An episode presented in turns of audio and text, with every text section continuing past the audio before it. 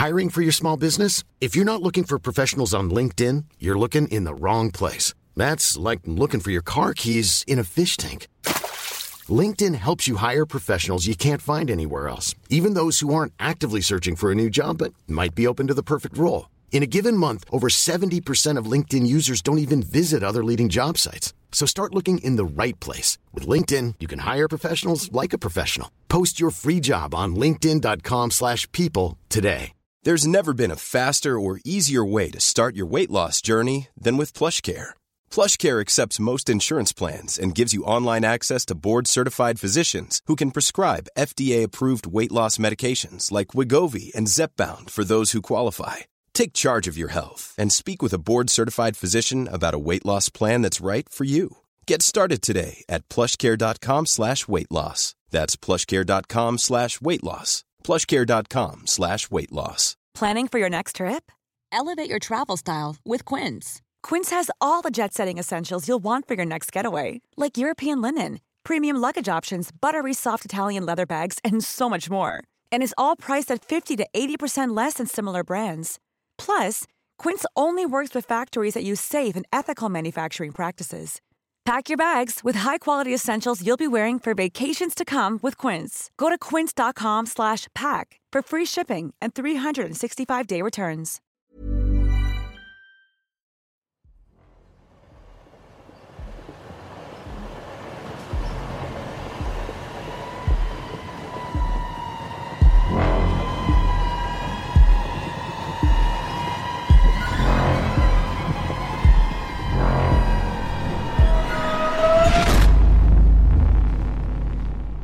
Välkommen till Midnattståget. Din podcast om creepypastor och spökhistorier från internet. Många av oss har sett det. Den snabba rörelsen i ögonvrån. Den där lilla skuggan som flyger förbi. Oftast avfärdar vi det snabbt. Det kanske var en fluga som svepte förbi eller bara något som skiftade i ljuset. Den här veckan åker vi till kommunen Haninge i Sverige. En historia där en psykolog börjat upptäcka ett mönster hos sina patienter.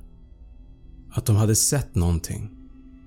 Dagens historia heter “Mannen i ögonvrån” och är skriven och uppläst av mig.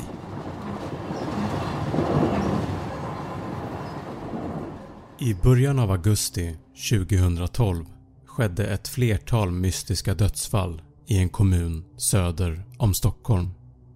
Än idag så har ingen lyckats att lösa dödsfallen och utredningen lades ner i brist på bevis. Tre år senare la en användare vid namn “Do Not Look” upp ett inskannat dokument på forumet Reddit. Dokumentet innehåller anteckningar som är skrivna av en anonym avsändare. Anteckningarna ska ha hittats i en lägenhet söder om Stockholm och är daterade till den 13 augusti 2012. Om du läser det här så har jag misslyckats. Men även om jag inte kunde hålla ut så måste folk få veta vad som har hänt och kanske, kanske så kan min historia hjälpa dig eller någon annan som har blivit drabbad. Därför har jag skrivit i det här anteckningsblocket och till dig som har hittat det. Kom ihåg att ingen tvingar dig att fortsätta att läsa. Men om du väljer att lyssna på hela min historia så vill jag ändå varna dig. Du gör det på egen risk. Det började som en helt vanlig dag på jobbet. Jag är psykolog och när man jobbar med det så stöter man oftast på folk som har samma problem. Jag dricker för mycket, jag har spelproblem eller klassiken “jag är otrogen mot min fru eller mot min man”. Jag var lite trött på det. Olika människor men samma problem hela tiden. Jag har insett efter cirka 15 år som psykolog att det är bara så världen ser ut. Men allt det här skulle ändras den dagen då en äldre herre vid namn Karl klev in på mitt kontor.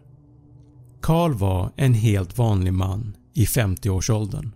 Vårt samtal började som vanligt Jag frågade om jobbet, livet och så vidare men under tiden vi pratade så märkte jag att det var något underligt med Karl. Jag såg att det var någonting som han inte delade med sig av. Något som han egentligen kanske ville prata om. Karl, sa jag. Vad är det du egentligen är här för? Karl tittade upp. Vadå? Frågade Karl. Det känns som du vill prata om något annat. Stämmer det? Karl blev tyst en stund och hans blick föll ner på bordet framför honom. Ja, jag vill berätta en sak som hände mig för två dagar sedan, sa Karl utan att lyfta blicken. Jag lyssnar. Ta din tid, sa jag. Jag väntade på tåget. Alltså, jag var på väg till jobbet så jag stod på perrongen och väntade på pendeltåget in mot stan. Karl torkade sig om pannan. Klockan var runt halv sju på morgonen och jag bara stod där och tittade ut över sjön Rudan på andra sidan perrongen. När jag såg honom. Karl var tyst länge. Vem då? frågade jag. Karl sa ingenting. Karl, vem var det du såg? frågade jag igen. Carl tittade upp och såg mig rakt in i ögonen. Tänker du... Karls röst försvann och hans ögon såg ut att börja tåras. Han gjorde ett nytt försök. Tänker du på honom? sa Karl.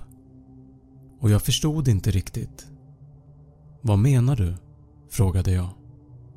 Jag... Jag kan inte sluta tänka på honom.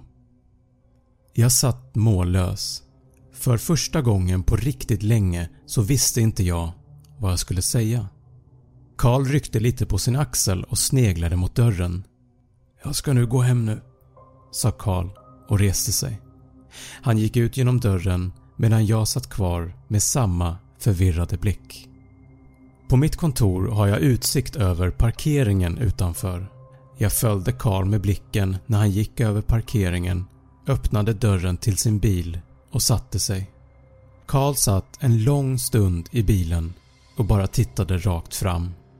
Sen ryckte han på sin ena axel igen, tog sin hand och kliade sig i bakhuvudet. Han kliade sig väldigt hårt. Sen såg det ut som han drog ut någonting från bakhuvudet. Vad fan? sa jag tyst för mig själv. Karl öppnade bildörren och slängde ut något på marken precis utanför bilen. Sen backade han ut och körde iväg. Jag stirrade länge på den saken som Karl kastade på marken men jag var alldeles för långt bort för att kunna tyda vad det var. Jag kisade med ögonen men det hjälpte inte. Det knackade på min dörr. Jag ryckte till. Det var Lena, min assistent. Hon kom in i rummet. “Det var ett kort möte, måste vara ett rekord” sa hon. Jag samlade mig och tvingade fram ett leende. Ja, verkligen. Sa han något när han gick ut? Nej, han bara tittade ner i marken. Under dagen så fortsatte jag med mina möten med olika patienter och även om jag gjorde mitt bästa för att lyssna på mina patienters problem så kunde jag inte släppa tanken om Karl. Vem var det han såg? Vad kastade han ut från bilen?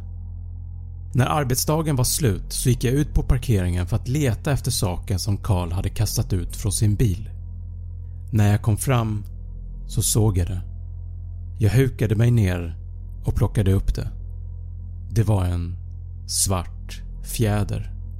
Jag tittade på den en lång stund och sen släppte jag ner den på marken igen.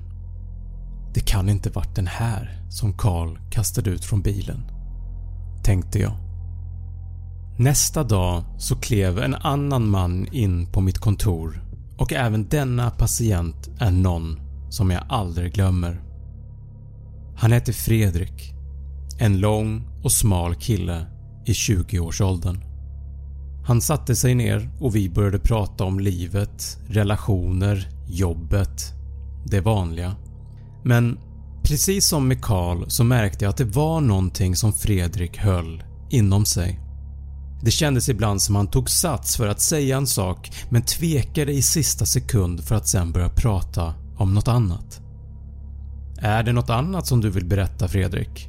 frågade jag.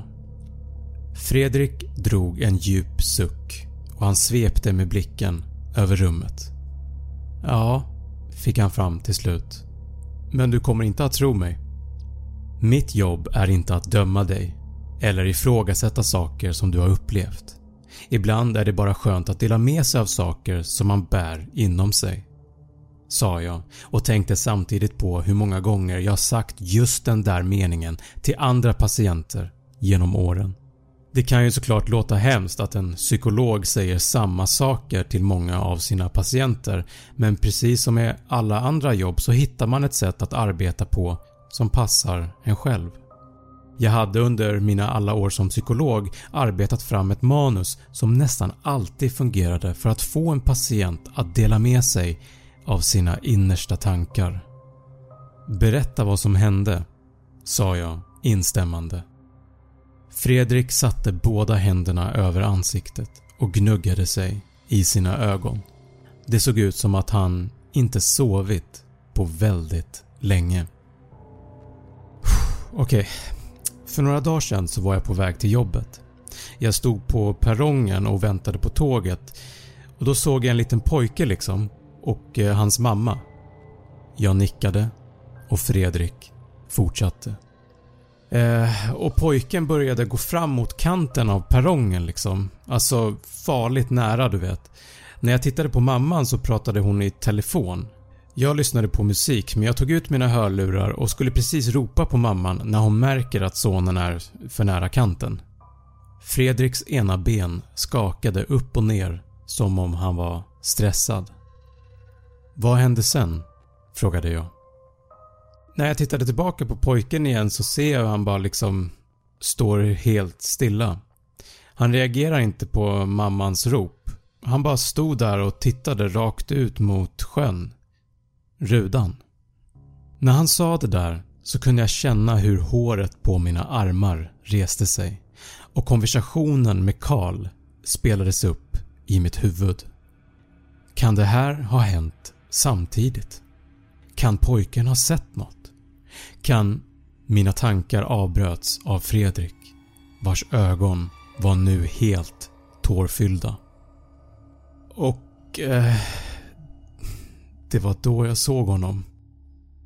Tystnaden hängde kvar länge i rummet. Fredrik fortsatte. Borta på andra sidan sjön, precis vid utkanten av skogen, där stod han. Vem? Vem stod där? Frågade jag. En... Eh, jag vet inte fan alltså, sa Fredrik och torkade bort sina tårar. Vad såg du? sa jag och insåg plötsligt att jag hade höjt rösten utan att tänka på det och jag kunde se hur Fredriks humör övergick till en irritation. “Skitsamma, det här var en dålig idé ändå” sa Fredrik och reste sig upp. I samma stund försvann han ut från kontoret. Jag sjukskrev mig resten av dagen. Inte för att jag mådde dåligt, men jag kunde inte koncentrera mig längre. Samtalen med Karl och Fredrik hade bara varit för mycket. För mycket att tänka på.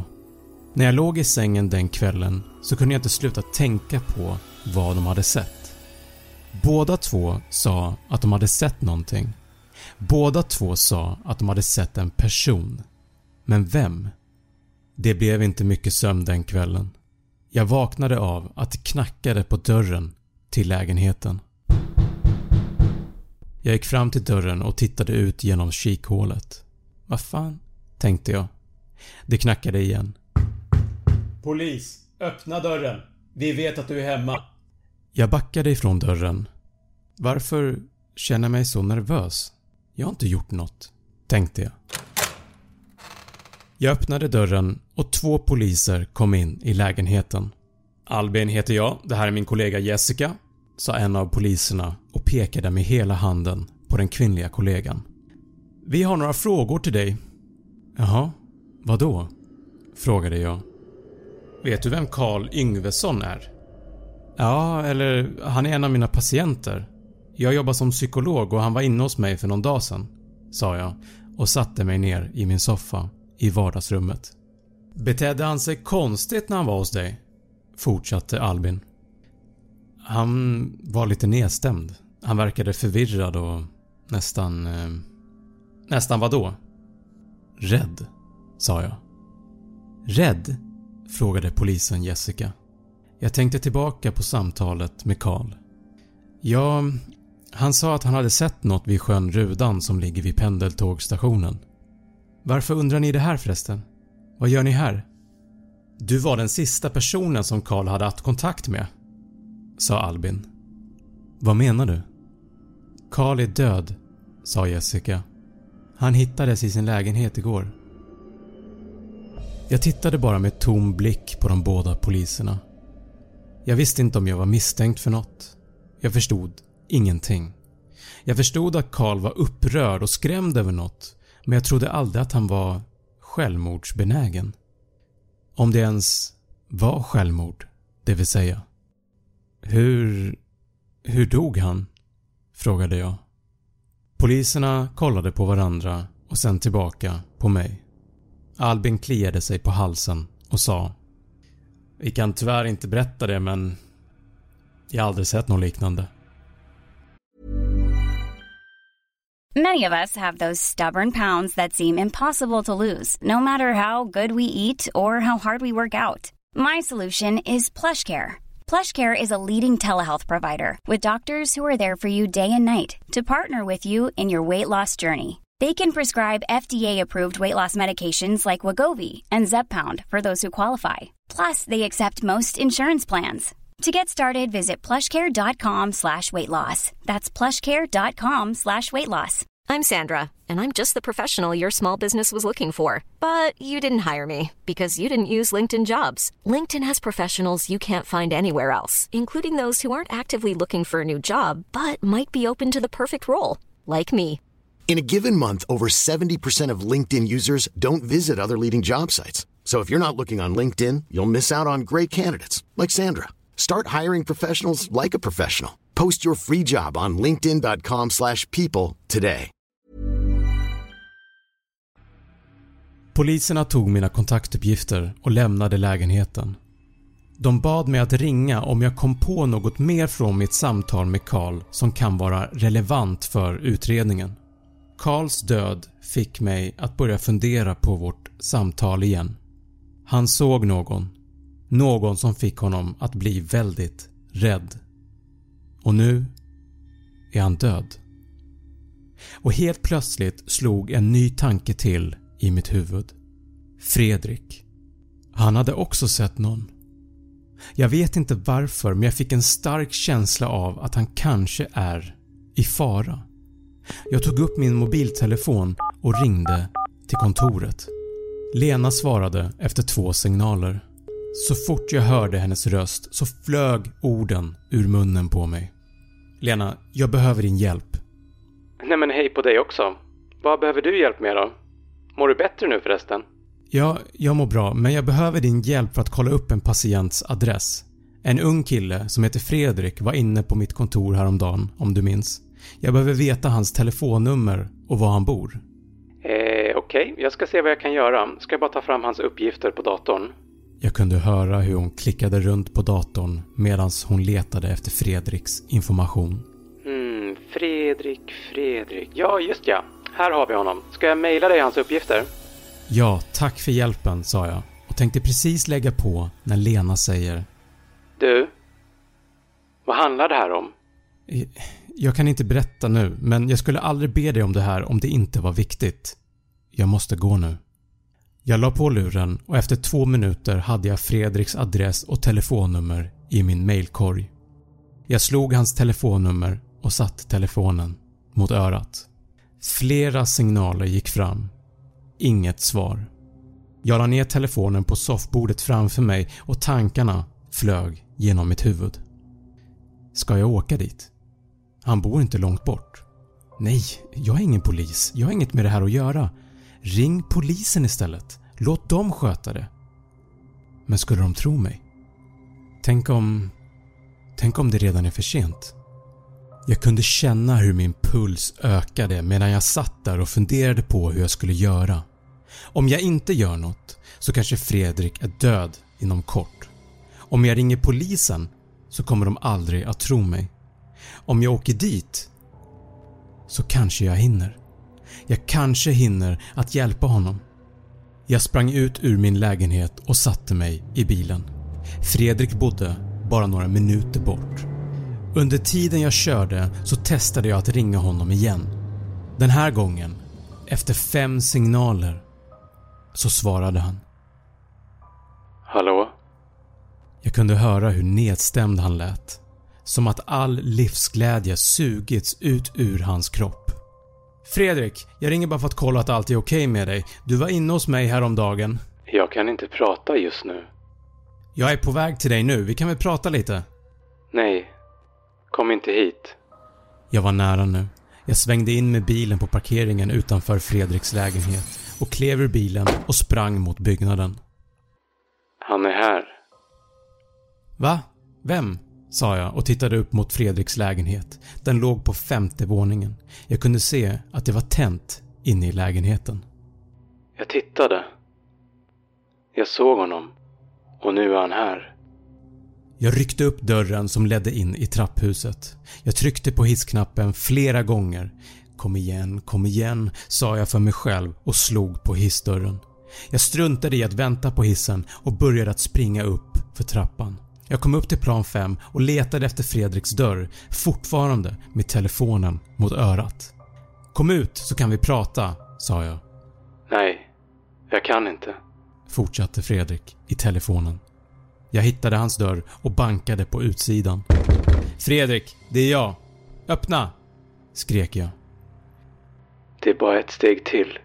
Sa Fredrik och efter det så bröt samtalet och i samma stund hör jag ett fruktansvärt vrål inne i lägenheten.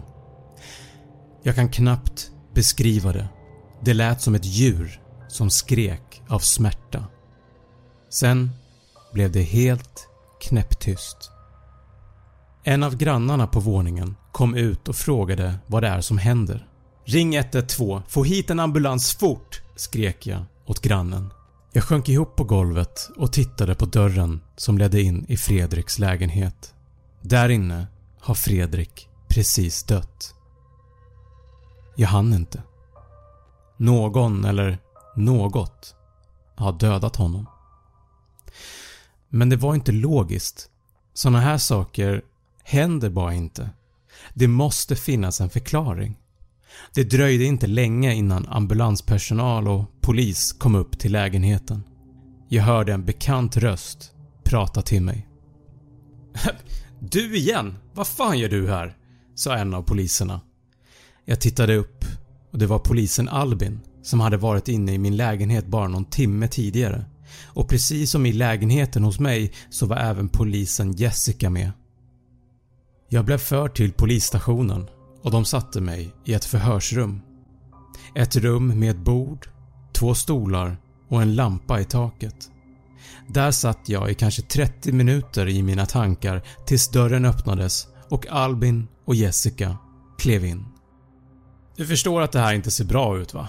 sa Albin och la armarna i kors. “Vadå?” frågade jag.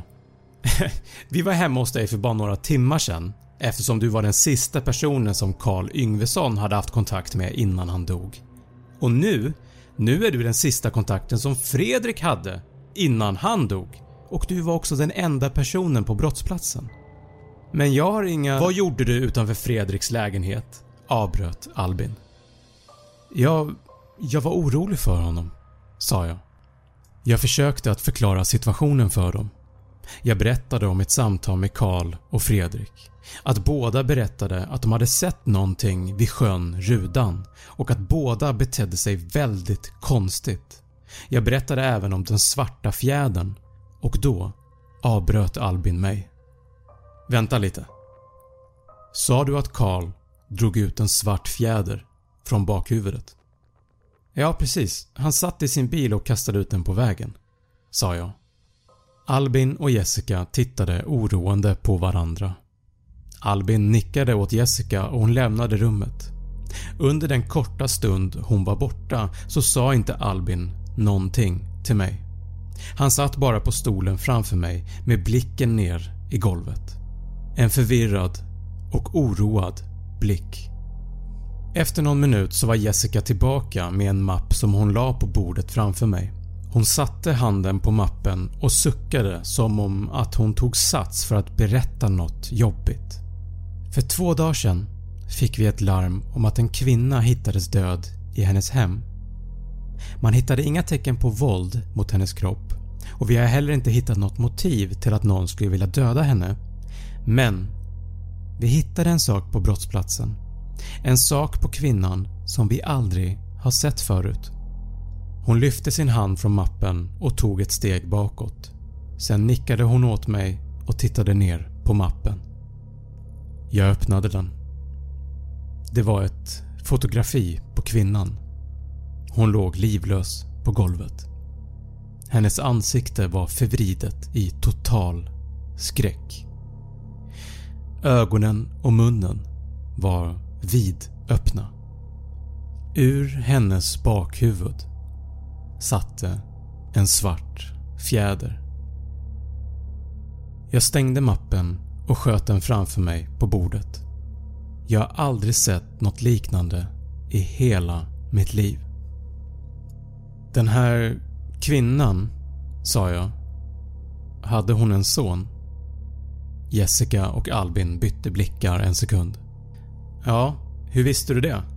sa Albin. Utan att lyfta blicken från mappen sa jag “Fredrik.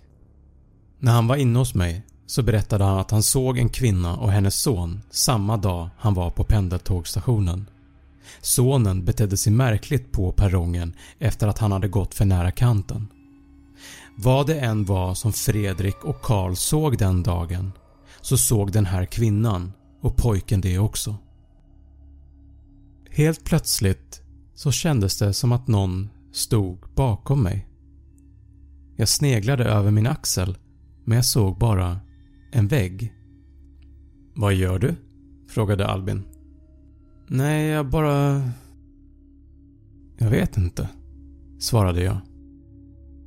“Är pojken...” fick jag fram till slut. “Han lever, men han ligger just nu på sjukhus. Mer än så kan vi inte säga” sa Jessica.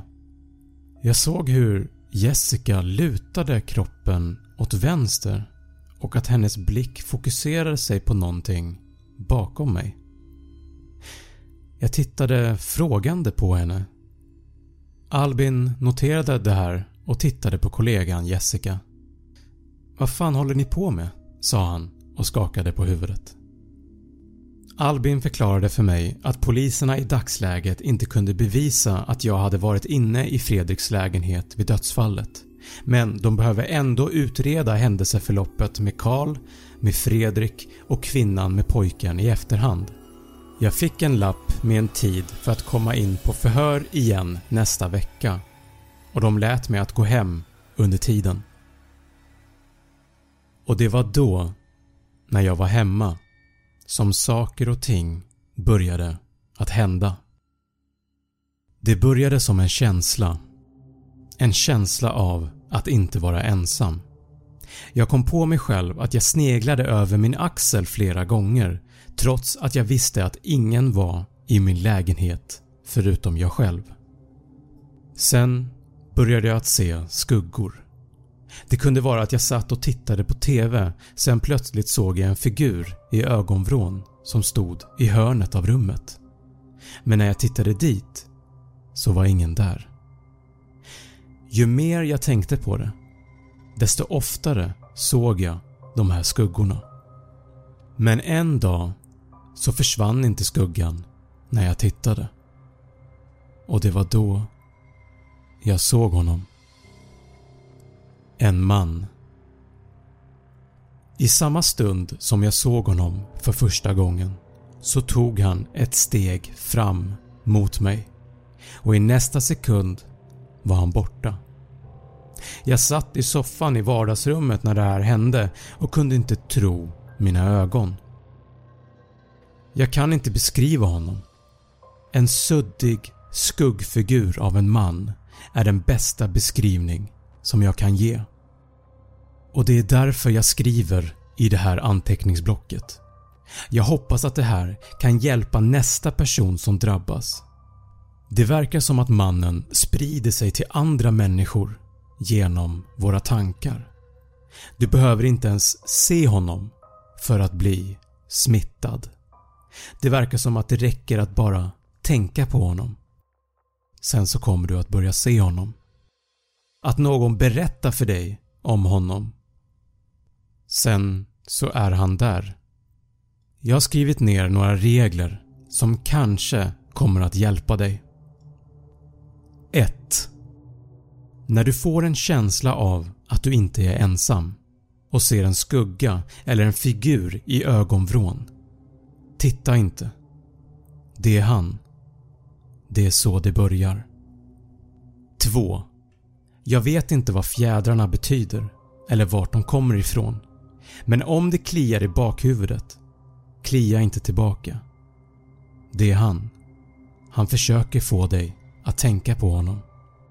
Dra inte ut fjädern för det kommer få dig att tänka på honom. 3.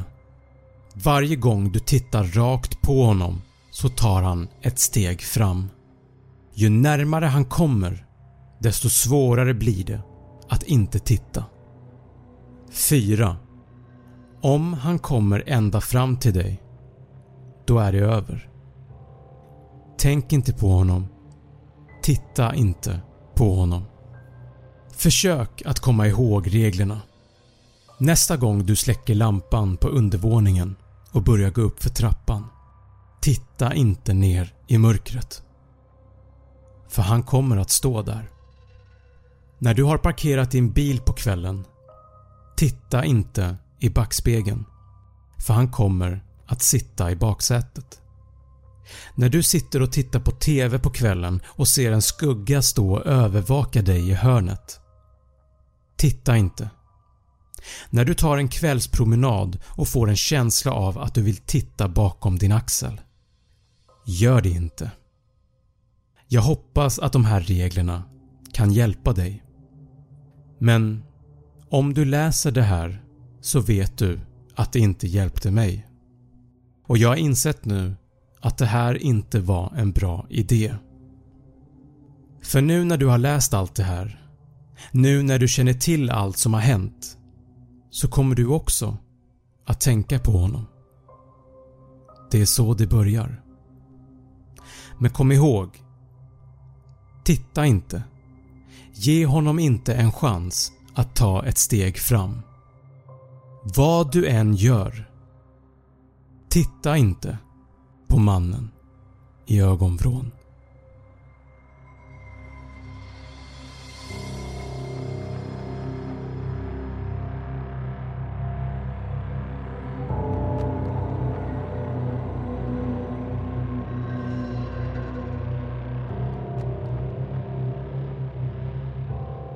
Det var Mannen i ögonvrån, skriven och uppläst av mig.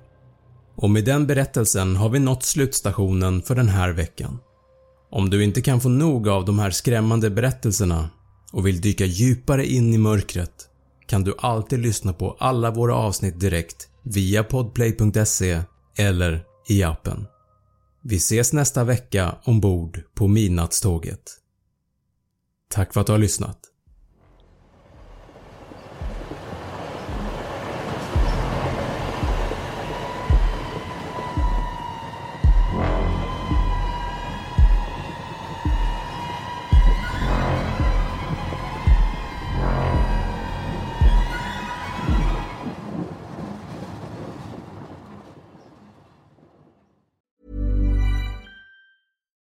When we're on a budget, we still deserve nice things.